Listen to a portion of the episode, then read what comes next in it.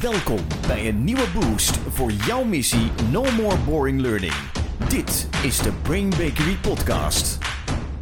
We zijn zo blij, want je bent er weer bij onze podcast, de No More Boring Learning podcast, samen met Sjane Bakker. Hé, Jan-Peter, wat lekker dat jij er weer bent. Ja, toch? Je voelt gewoon dat de luisteraars daar ook weer zijn. Ja. Ja, we voelen ons gewoon samen.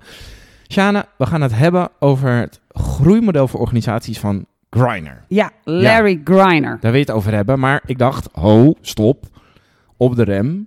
Voor wie is dit interessant? Want is dit leuk? Is dit No More Boring Learning? Vertel eens even, voor wie, moet er gaan, wie wil daar gaan luisteren? Ja. Het is een model waarmee je de fasen, de groeifase, iedere organisatie groeit Ja. in, in leeftijd en soms ook in het aantal mensen of in het aantal omzet, eh, waarmee je dat heel goed kunt duiden. En dat is voor L&D'ers super interessant, Mhm. want ofwel je werkt in een organisatie die ergens in die groeifase zit, ofwel je werkt met een organisatie die ergens daar zit. En wat Griner zo mooi heeft opgeschreven is dat er verschillende pijnpunten in organisaties zijn en hoe je daar overheen komt om te groeien. Dus hij heeft eigenlijk voorspelbaar gemaakt als je een organisatie op nul begint en je gaat ouder worden, door welke crisismomenten moet je dan even heen en hoe kun je die voorspellen? Dus als L&D'er is het Ja. super waardevol om dit in je rugzak te hebben, want als je dan tegen dingen aanloopt van ja, maar iedereen zit hier bureaucratisch te doen en we luisteren niet naar elkaar, dan kun jij bedenken, ah, dat gebeurt altijd in die fase van de organisatie en dit is daar de oplossing voor. Niet dat die dan zo makkelijk is, maar Nee. je kunt duiden. Ik denk ook dat het voor mensen die zelf een onderneming hebben, die, die zelf een trainingsbureau of een L&D-bureau hebben, heel handig kan zijn om te weten in welke fase zitten Ja. wij nu. En ook wat is de volgende Wat- crisis de die eraan komt? Ja. Wat, welke groeipijn ga ik meemaken? Dus dat is denk ik ook een, eh, een hele fijne om te weten. En voor mensen die werken met executive teams, dus die met directies werken, met leiderschapteams, is het ook super interessant om te weten waar zitten zij in hun groei. En als ik deze pijn hoor, bij welke groeipijn hoort dat? En wat is daar volgens Griner de oplossing voor? Lekker. Dus of je wordt een sterkere adviseur, Ja. of een sterkere ondernemer, of een sterkere executive trainer. Nou, En dat allemaal door deze podcast. Wat lekker. als je het model van Griner nog niet kent. Want, laten we even wel wezen, het is oud. Oké. En Ja. het werkt nog steeds. Dus Nou. ik heb weer recente research ervan gevonden die zegt, ja, die pijnpunten die hij in de jaren 70 definieerde, de jaren 70, let wel, van de vorige eeuw, Ja. eh, die, die zijn er nog steeds. Dus dat heeft hij heel goed gedaan. Heel Goed, we duiken erin. Het groeimodel voor organisaties van Griner. En uiteraard kun je een visualisatie en een uitleg van het model weer vinden op www.brainbreakery.com bij de Brain Snacks. Ja. En ik wil hem eigenlijk gaan uitleggen aan de hand van dus het ouder worden van de organisatie en welke crisistypes je allemaal doorheen gaat en wat daar de oplossing voor is. Alright. Dus we beginnen even bij een bedrijf dat ontstaat, een organisatie die ontstaat, super enthousiast. Woehoe, iemand begint in zijn eentje, die haalt daar een paar mensen bij. Hé, wat is dat lekker. Als die organisatie dan gaat groeien, ontstaat crisis nummer één. En die crisis die noemen we de leiderschapscrisis. Want die leuke entrepreneur, die gewoon lekker met iedereen Ah, babbelde Ja. en even informeel op de app alles zette. Die kon op die manier die hele organisatie wel runnen. Die had een hele erge externe blik. Hoe maken we de klanten blij? Het gaat niet zo over hoe we het intern allemaal organiseren. We zijn out there, zijn we bezig. En we zijn de wereld een stukje mooier aan het maken door ons product, door Ja. onze dienst, door hoe wij, door ons bestaan. Dus de eerste groeipijn is een leiderschapscrisis. En hoe je die oplost is door formele managementstructuren, mensen die goed zijn in managen, toe te gaan voegen. kijk. Dus je hebt iemand nodig die gaat zeggen: eh, waar is hier eigenlijk de beoordelingssystematiek? Ja. Waar zijn hier eigenlijk de vakantiekaarten? Wat gebeurt hier eigenlijk allemaal? Is er iets? Eh, hebben we überhaupt structuren? Ja. Iemand die daarin geïnteresseerd is, die gaat berekenen hoeveel winst maken we nu eigenlijk per klant, die dat soort dingen in kaart gaat brengen, die structuur gaat toevoegen. Dus je afhankelijkheid van, van je ene ondernemer die het is begonnen, wordt daarmee dus eh, minder. Je, je, gaat het, je gaat daar meer vet op het bot krijgen. Ja, dus eigenlijk is het zo dat de organisatie te groot wordt voor Ja. die managementstijl van die ondernemer. Dus je hebt een formelere managementstijl Ja. nodig. Coördinatie, beheersing. Dat kan niet meer door één persoon uitgevoerd worden die ook nog extern alleen maar bezig is. Nee. Dus je hebt iemand die eigenlijk die interne blik er meer op gaat zetten. Duidelijk. Ja. Eerste crisis, de leiderschapscrisis. Ja, dus ik denk dat deze vooral voor mensen met een eigen bedrijf eh, herkenbaar kan zijn. En als je eenmaal L&D'ers aanneemt, dat doe je niet tenzij je een L&D-bureau bent in, Ja. in die eerste fase Nee. van een bedrijf. Dus L&D'ers komen pas wat later, dus die kunnen hier wel in storytelling van vragen hoe was die beginperiode van onze organisatie en daar verhalen uithalen. Eh, en ook te kijken naar hoe ging die eerste crisis en wie werd toen de manager? Wie ging toen structuren aanbrengen? Heel goed. We gaan naar de tweede fase en dus ook tweede aankomende crisis. Dus nu komt er een crisis aan en dat is een beetje de, dat noemen ze de autonomiecrisis. Nu hebben ze een goed werkend managementsysteem Ja. ontwikkeld. Ze hebben dat allemaal gedaan. Dat hebben ze al keurig netjes in kaart gebracht. Iedereen voldoet ook aan al die normen. Maar waar is nu een beetje de, de creativiteit? Waar zijn we nu? Kunnen we ook weer een beetje losgaan? Ja. Want het staat nu allemaal wel weer erg strak. Een soort, soort tegenbeweging dus Ja. eigenlijk. Ja. Ja, kunnen we ook loslaten en delegeren. Met andere woorden, kunnen we nu, naast dat beginclubje dat zo lekker wild was, hebben we nu keurig netjes functieprofielen waarschijnlijk, hè, hebben we dat gedaan. Maar kunnen we ook weer een beetje loslaten? Kunnen we, durven we te delegeren? Dat is eigenlijk de pijn waar je dan doorheen gaat. Oké, ja, duidelijk. En wat is daar de oplossing tegen? Delegeren. Ja. Dus ook weer managers en ook mensen gaan aannemen die zelf verantwoordelijkheid kunnen nemen, die zelf dingen op kunnen lossen. Dus het geven van vertrouwen is, is daarna weer de beweging. Dus je gaat van een Wild West party naar, oké, we gaan het nu even strak organiseren, naar, ho, ja, ik wil wel ook een beetje autonomie. Kan Ja. ik die ook weer terugkrijgen? Dat Ja. is eigenlijk de volgende fase. Ja. Heel goed. Dan gaan we naar de derde. Eigenlijk heel logisch volgt deze erop, maar ik heb hem in een aantal organisaties al gehoord. Dan zijn die mensen dus allemaal weer lekker zelf aan het spelen, zelf bezig. En dan ontstaat de volgende crisis en dat is de controlecrisis. Hm. Dan krijg je echt het idee van, oké, bij welke klant zit wie nu eigenlijk weer wat te doen? Ja. Eh, dus die ruikt een beetje naar die eerste crisis, maar hij komt in een hele andere fase. Maar die zit echt, oké, we hebben nu zoveel professionals die hier van alles doen. Moeten we dat niet ook een beetje controleren? Ja. Dus dan krijg je de controlecrisis. We willen gaan controleren hoe het allemaal werkt. En dat is wel een pijnlijke. Is dat omdat ook de organisatie in die zin zo groot is geworden dat je gewoon het zicht kwijtraakt op Ja. wie doet er eigenlijk wat? Ja. Zou dat? Ja, dus dan is er heel vaak eh, een fase dat er een managementlaag bij moet. De dashboards moeten veel helderder.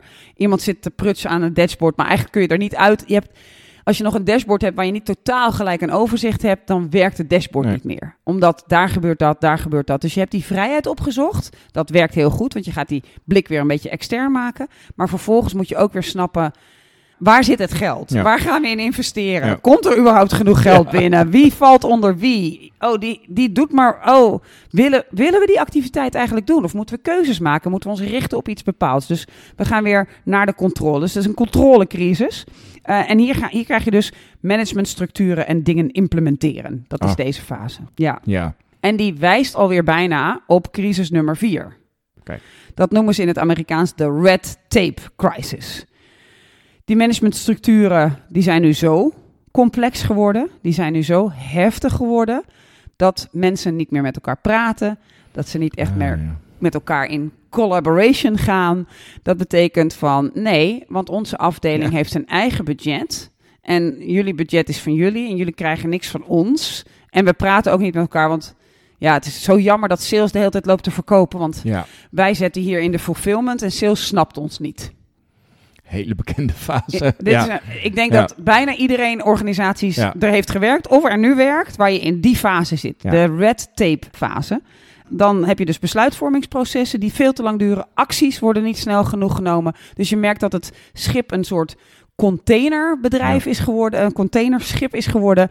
En als je nu stuurt, dan heb je over vijf jaar heb je, heb je een mooi verschil gemaakt. Maar je wil ook nog wendbaar blijven. En die wendbaarheid is er op dat moment totaal aangegaan. Ik denk dat dit een fase is waarin veel organisaties L&D'ers inhuren of L&D-afdelingen gaan opzetten, omdat ze merken, we wat lopen gebeurt vast. hier? Ja, ja. En, en wat hier de sleutel is, is dat je gaat samenwerken. Oké, We moeten, de directie moet weer even de vloer op. Wat gebeurt er ook alweer? We moeten samenwerkingsverbanden hebben. Zullen we nou eens een marketeer, een salespersoon en een fulfillmentpersoon samen in een team zetten bij een klant en de klant laten interviewen? Hoe gaan we nou samen optrekken zonder dat, nou, zij hebben, zij hebben nog niet geantwoord op de mail, dus we kunnen nog niet iets doen Ja. met de klacht van de Ja. klant die er nu twee maanden ligt. Ja, Dus die verzuiling ja. eh, tegengaan. En dit is er één omdat de organisatie nu zo groot is, omdat er heel veel geld is verdiend in het verleden en er dus heel veel successen zijn, is deze heel moeilijk om te draaien. Want hier heb je nu, ik ben van deze club en ik ben eigenlijk trouwer aan Ja. mijn afdeling dan dat ik aan de organisatie ben. En iedereen zal het wel beamen als je het zegt, maar er zit zo'n rigide structuur in dat het echt alleen te doorbreken is met innovatieve, vernieuwende, rare manieren van samenwerken. Hè? Gewoon, de directie neemt nu een week een van onze winkels over en gaat daar een week alles meemaken. Ja. Want ze moeten weer snappen, waar gaat het ook weer om? We snappen niet meer dat de eindgebruiker de belangrijkste is, want we denken dat mijn afdeling toch wel het belangrijkste is. Ja, ja. ja, moeilijke fase. En inderdaad ook weer erg herkenbaar. Ik denk ook voor veel van onze luisteraars. Ja. Ja. En een he- hele lastig om te doorbreken, Ja. maar wel een die mogelijk is. Ja. Zet in op samen.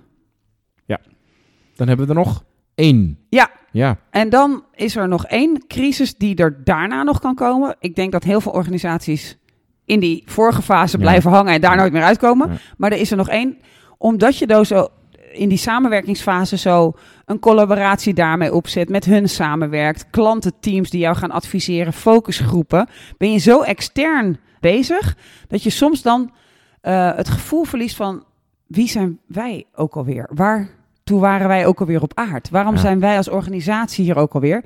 Want we zijn zo lekker aan het collaboreren, maar we vergeten even om wie het gaat. En Ja. deze kun je heel goed terug horen. Dan hoor je ineens een organisatie zeggen: de patiënt moet weer centraal.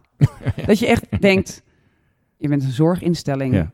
Heeft de patiënt niet eigenlijk altijd centraal gestaan? Nee, want ze moeten met extramuraal, intramuraal, overal moeten samenwerking. Het is zo complex geworden dat we daar meer mee bezig zijn dan bij wat was ook weer de kern van ons werk. Dus in deze fase moet je echt terug naar je why, je purpose. Waartoe zijn wij op aarde? Op welke manier maken wij onze keuzes? Hoe komen we daartoe? ja. Wat was onze origin story? En die Precies. we heel veel vertellen. Ja. Terug naar de why en terug naar de klant centraal, customer first, whatever. ja. Dus Ja. daar heeft de L&D een hele duidelijke missie. Om dit centraal 100 te stellen. procent, Ja. 100 procent. En dit is dus bij wat oudere organisaties die Ja. die eerdere crisis al overleefd hebben. Want eh, dat zegt Larry eh, ook. ehm, bij iedere crisis kan het ook einde oefening zijn. Ja. Ja, maar het lekker is, het is voorspelbaar. Oké, we zitten in die pioniersfase. Wat gaat het leuk? Eh, ik denk dat Brain Bakery daar al heel lang probeert te blijven zitten. maar als wij op een gegeven moment zouden gaan groeien, dan zou er op een gegeven moment... Ik kan niet managen. Ik kan niet een dashboard hebben. Dat gaat allemaal Nee. niet. Dus dan moet er een manager bij die dat stuk gaat snappen, die Ja. dat gaat organiseren. Nou, die heb je dan. Die gaat daar dan iets te veel op. En dan ga je dus heel erg zitten op... Ja, we zitten hier in een soort autonomiecrisis. Eh, mag ik ook nog zelf Ja, wat ja. beslissen? Dan komen alle protocollen en processen, Ja, handboeken ho, en zo. En dan gaat iedereen ook braaf afwachten. Ja, als de klant niet belt, wat moeten wij dan doen? en dan zei oké, oké, dat willen we ook weer niet. Ga maar, autonomie. Neem je autonomie. Nou, dan komt daar vanuit weer de volgende crisis. Oké, maar wat zijn we in vredesnaam hier aan het doen? Er moet ook checks en balances. We moeten ook controle hebben. Heeft die klant al überhaupt een factuur gehad? Weet je, dat soort teksten krijg je daar dan. Dan gaat er dus een controlemechanisme komen. Dat is ook nodig om te kunnen groeien. Maar dan ontstaat de red tape crisis. En de red tape crisis is... Wij praten niet meer met elkaar. Hier zit een red tape. Daar gaan wij niet overheen. Nee. Want wij zijn van afdeling X. Ja, nee, dat is niet mijn klant. Nee, Nee, dat is jouw klant. ja, dat is jouw klant. jij, en dat is ook eh, niet, mijn- staat ook niet in mijn functieomschrijving. dat nee. soort Oh, ja. verschrikkelijke Oh. teksten krijg je dan. En dan heb je vervolgens de groeicrisis. Van oké, we hebben nu zoveel controle. Kunnen we nog groeien? Kunnen we nog lekker naar buiten? Kunnen we daar mooie dingen gaan doen? Eh, en dan moet je weer lekker gaan samenwerken. Ja. En Ja. dan, als je dan zo in die samenwerkingen zit, dan denk je op moment, Wat was ook weer onze origin? Waar komen wij vandaan? Waarom zijn wij op aard? Ja. Laten we die weer even Dat terughalen. is volgens mij ook de fase dat je als bedrijf allerlei eh, diensten of producten erbij gaat doen. Waardoor je een hele andere afdeling krijgt. Waardoor je denkt, past dit eigenlijk nog wel bij ons? Hè? Dat, dat, Ja. dat soort vragen horen Nee, daar dat- denk ik ja, die heb je daarvoor al gedaan, waardoor je nu denkt, Lego was een mooi voorbeeld. Die hadden op een gegeven moment films en kleding en Ja. skateboards en alles. En het goed vastzittende blokje, dat is waar onze basis ligt. Hoe kunnen we dat verder uitbouwen? Ja. Lego, ik heb een case erover gedaan op eh, Harvard, betekent ook speelgoed. Dus goed spelen. Ja. Dus ze willen ook kinderen dingen leren via het spelen. Ja, dat was met al die films en Ja. dingen. Die, die, die hele origin, die was totaal verdwenen. Ze deden echt alles. Dus een soort back to basic beweging. Die herken je heel erg in die, in die laatste, na die laatste groeipijn. Ja. En voor elke fase is er een rol voor de L&D'er. Maar Ja. we zeiden het al wel, in de meeste organisaties, eh vooral die begin, in de meeste organisaties bij die beginfase, is er nog geen interne Nee. L&D'er. Nee. Maar af en toe word je daarvoor wel ingeroepen. Ja. Dat de ondernemer zegt, help, Help. eens eventjes. Want Ze luisteren niet naar me. Ja. Nee. Dan zeg je, oké, ik weet nu vanuit het Greiner-model, waar denk je dat je zit? In Ja. welke crisis? Wijs de crisis eens even aan. Ja. En dat kunnen ze bijna altijd. Ik, ik heb hem ook wel gebruikt dat je bij een managementteam van een organisatie binnenloopt of van een hele grote afdeling en dat je vraagt, in welke fase zitten jullie? En ze kunnen echt precies aanwijzen waar ze zitten. En wat je merkt is dat ze het heel lekker vinden om de voorspelbaarheid. Ja. Dus er is, het is logisch dat het gebeurt. En dat geeft zoveel lucht. En dat maakt het ook dat je wat makkelijker vanaf een afstandje kunt kijken en niet zo erin zit, waardoor Ja. je geen handelingsvrijheid hebt, omdat het gewoon allemaal heel erg is. Nee. Dus ik vind dat iedere L&D'er dit model in ieder geval in zijn achterzak moet hebben en erbij moet kunnen pakken. Juist, ja. Heel goed. Het groeimodel voor organisaties van Griner. Nogmaals, op de website bij de Brain Snacks vind je het model en het blog erbij. Ja, ik heb er ook eh, zes tips bij gezet van hoe kun je hem nou gebruiken. Dus kun je ook voor jezelf even kijken. Je kunt hem desnoods uitprinten en meenemen naar een managementteam waar je mee werkt. Lekker, wat een cadeautje. Ah. En zo sluiten wij deze aflevering af. Wij, zijn, eh, wij gaan de volgende groeifase in. Ja, Ja. ik wil een eh, structuurmanager en controle. Oh, ik wil, ik wil graag wat autonomie. Nee, sorry, daar beginnen we niet aan. Nee, ja. dat staat ook in de rode tape. No more boring learning. Dit was de Brain Bakery podcast. Wil je meer weten? Kijk dan op brainbakery.com of volg ons op onze socials.